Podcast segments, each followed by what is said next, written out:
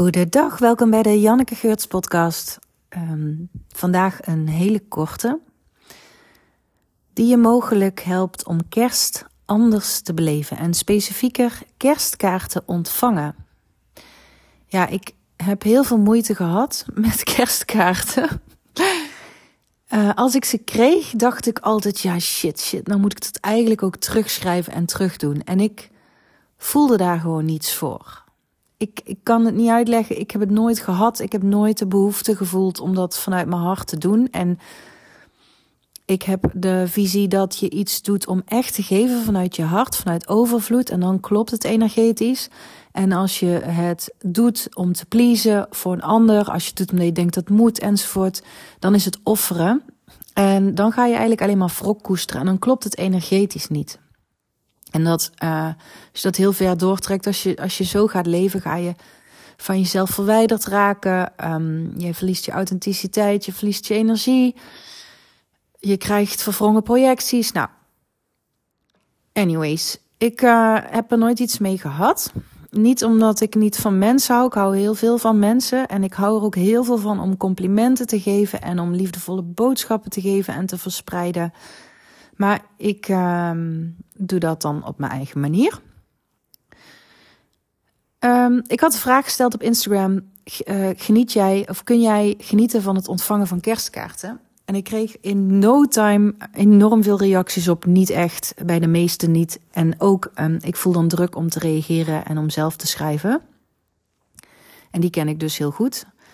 Had ik heel erg last van. Um, en ik uh, ga gewoon een andere optie geven. De andere optie. Er is een kerstkaart. En je gaat bewust de moeite, de liefde, de aandacht die er in die kaart is gestopt voor jou ontvangen en toelaten.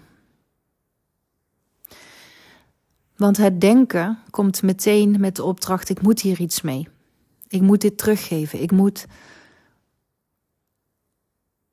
of um, het denken komt met, ja, dit betekent niks. Of dat soort verhalen. Maar kun je toelaten dat er iemand is, al dan niet met tegenzin, maar dat er iemand is, dat er ergens een hartje klopt. Dat de aandacht de tijd en moeite heeft genomen om elkaar te sturen naar jou. Dat er iemand is geweest die aan je dacht, en kun je heel even binnenlaten in je hart dat zo iemand rondloopt? Kun je het ontvangen? Kun je het ego genoeg laten vallen even met al zijn verhalen over wat jij dan moet en wat het betekent en wat het niet betekent en alle ruis even laten vallen en ontvangen dat jij een kaartje krijgt. Dat is in de basis wat er gebeurt. Jij krijgt een kaartje van iemand. Iemand wil jou iets warms wensen. Kun je dat binnenlaten? Elk kaartje dat je krijgt, kun je dat binnenlaten in je hart. Kun je ontvangen. En het paradoxale is, als ik naar mezelf kijk, sinds ik heb leren ontvangen in het leven, zonder de denkvergissing te maken dat ontvangen altijd betekent dat je terug moet geven, voel ik zoveel vreugde en dankbaarheid als ik bewust ontvang, dat ik dus zin heb om een berichtje te sturen. Dat ik zin heb om iets terug te geven. En dan klopt het energetisch. Omdat je gewoon blij wordt van iets en denkt: ah, oh, oh, en dat is die overvloed, dat is die liefde. En van daaruit wil je geven. En dat is dus iets anders dan offeren. Offeren is dus vanuit. Ik voel het niet, maar goed. Uh, it's, the right, it's the right thing to do. Uh, dit is wat nu hoort. Uh, dit is wat nu moet. Dus mogelijk zit hij daarop voor jou dat je die kerstkaarten, dat je daar niks mee hebt. En, en is dit een mooie bijdrage aan een warme, liefdevolle kerst voor jou. En uh, nu ik je toch spreek, Gods, ja, dit is bij een podcast altijd zoiets, hè.